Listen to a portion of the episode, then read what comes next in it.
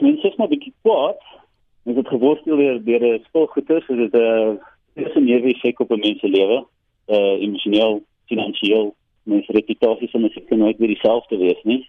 Ja, so wil sê mense dink jy gaan verlig wees. Dit is lekker om net te weet daar's kan ek sê einde aan 'n proses. Maar ja, mense is kwaad en bitter jy niks verkeerd gedoen het nie en jy het geweet jy het niks verkeerd gedoen nie. Jy weet jy het nie 16 miljard rand gesteel nie of wat ook al die syfer was en jy moet te twee en 'n half jaar wag vir iemand om te sê jy het nie. Dit dit werk kan 'n man sê vir hom.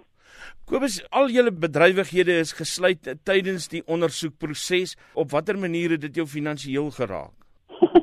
uh baie eenvoudig. Ek het net nooit weer sien se nie. En ek het natuurlik al die die waarde van die besighede verloor en dit was groot besighede. Ek ehm uh, was dit 'n paar honderd miljoen rand werd. Dis alles daarmee in. Ehm um, lisensies is weggeneem so let nie verder 'n uh, sake bedryf nie. Ja, is maar net vaartjies wat jy van met uh, verwerk en 80 net spesifiek in 'n kontantvloei word weggevat oor nag en net die dalkie stywer maak en 'n vrou vra van verder te gaan werk en as ek nou by die huis moet kinders hê.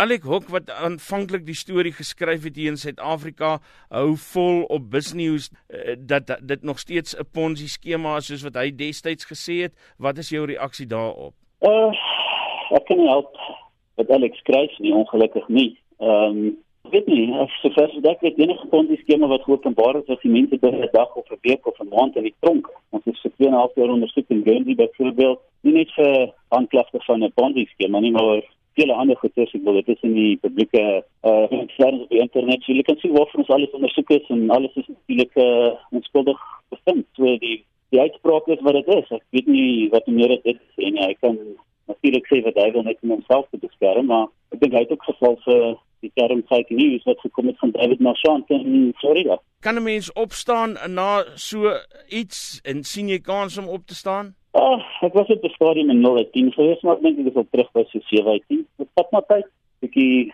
uh aansporing van mense, vriende en familie, 'n bietjie nadenk oor dinge, 'n bietjie filosofie vra, dat jy kinders gesien of twee. En dan moet jy maar gene van die tyd normaliseer en nader aan 'n 10 probeer kom en uh effe fuerzan